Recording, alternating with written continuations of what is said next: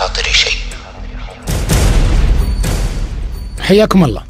من المظاهر اللافتة والإيجابية بطبيعة الحال امتلاء المساجد بالمصلين في هالشهر الكريم. الناس بالعادة تدور الأئمة اللي أصواتهم جميلة في قراءة القرآن علشان تصلي وراهم.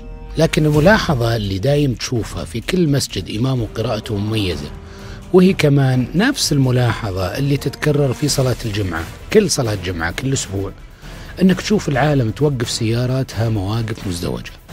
وأحيانا ثلاثية. يعني سيارة موقفة وجنبها مش قدامها ولا وراها جنبها سيارة ثانية وجنبها سيارة ثالثة. لدرجة أن أحد ما يقدر يمشي بالشارع اللي جنب المسجد.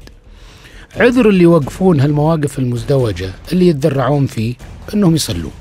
لو توقف واحد تقول له يا أخي ليش موقف هنا قال لك يا أخي ما أوقف على كيفي بصلي.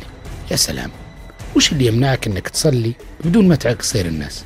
عجزان يا أبو الشباب تمشي لك 500 متر 600 متر وقف السيارة بعيد عن المسجد وامشي ترى المشي زين يهضم هالموائد اللي ما شاء الله فيها صنوف المآكل والمشارب. المشي بعد يقلل من التخمة. الأفعال الحسنة يا جماعة الخير أيها السادة الكرام لا تبرر أخطاء على الجهة الثانية.